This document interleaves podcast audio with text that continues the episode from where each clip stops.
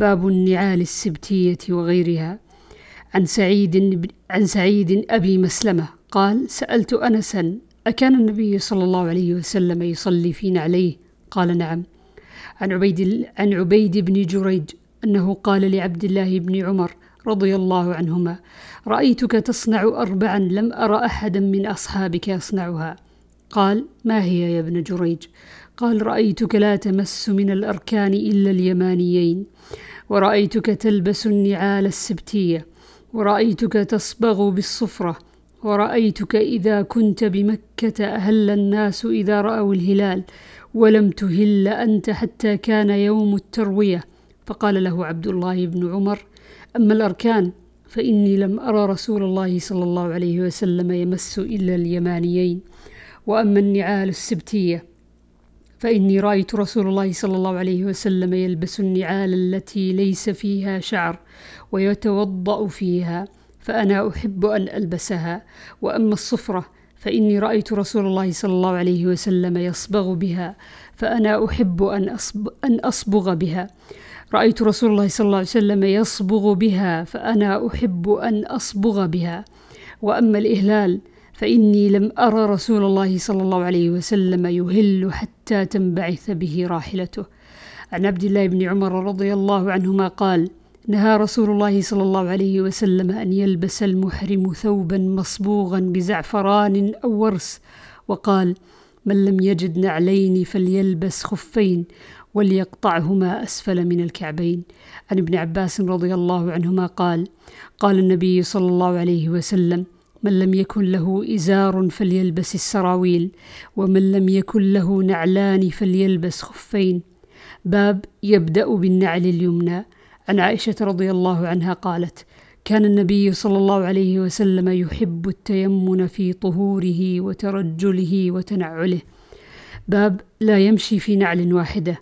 عن أبي هريرة أن رسول الله صلى الله عليه وسلم قال لا يمشي في أحدكم في نعل واحدة. لينعلهما جميع لينعلهما جميعا أو ليحفهما جميعا. باب ينزع نعله اليسرى. عن أبي هريرة رضي الله عنه أن رسول الله صلى الله عليه وسلم قال إذا انتعل أحدكم فليبدأ باليمين وإذا انتزع فليبدأ بالشمال. لتكن اليمنى أولهما تنعل وآخرهما تنزع. باب قبالان في نعل ومن رأى قبالا واحدا واسعا. عن أنس رضي الله عنه أن نعلي النبي صلى الله عليه وسلم كان لهما قبالان. وعن عيسى بن طهمان قال أخرج إلينا أنس بن مالك نعلين لهما قبالان. فقال ثابت, ثابت البناني. هذه نعل النبي صلى الله عليه وسلم. باب القبة الحمراء من أدم. عن عون ابن أبي جحيفة عن أبيه قال أتيت النبي صلى الله عليه وسلم وهو في قبة حمراء من أدم. ورأيت بلالا أخذ وضوء النبي صلى الله عليه وسلم والناس يبتدرون الوضوء فمن أصاب منه شيئا تمسح به ومن لم يصب منه شيئا أخذ من, بلي من بلل يد صاحبه. اللهم ارضى عنه. عن أنس بن مالك رضي الله عنه قال أرسل النبي صلى الله عليه وسلم إلى الأنصار فجمعهم في قبة من أدم. باب الجلوس على الحصير ونحوه.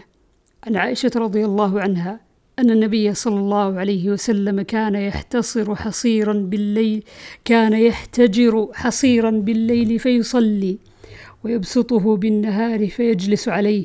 فجعل الناس يثوبون إلى النبي صلى الله عليه وسلم فيصلون بصلاته حتى كثروا. فأقبل فقال يا أيها الناس خذوا من الأعمال ما تطيقون فإن الله لا يمل حتى تملوا وإن أحب الأعمال إلى الله ما دام وإن قل. باب المزرر بالذهب عن المسور بن مخرمة أن أباه مخرمة قال له يا بني إنه بلغني أن النبي صلى الله عليه وسلم قدمت عليه أقبية فهو يقسمها فاذهب بنا إليه. فذهبنا فوجدنا النبي صلى الله عليه وسلم في منزله فقال لي يا بني ادعو لي النبي صلى الله عليه وسلم. فعظمت ذلك فقلت أدعو لك رسول الله صلى الله عليه وسلم. فقال يا بني إنه ليس بجبار. فدعوته فخرج وعليه قباء من ديباج مزرر بالذهب.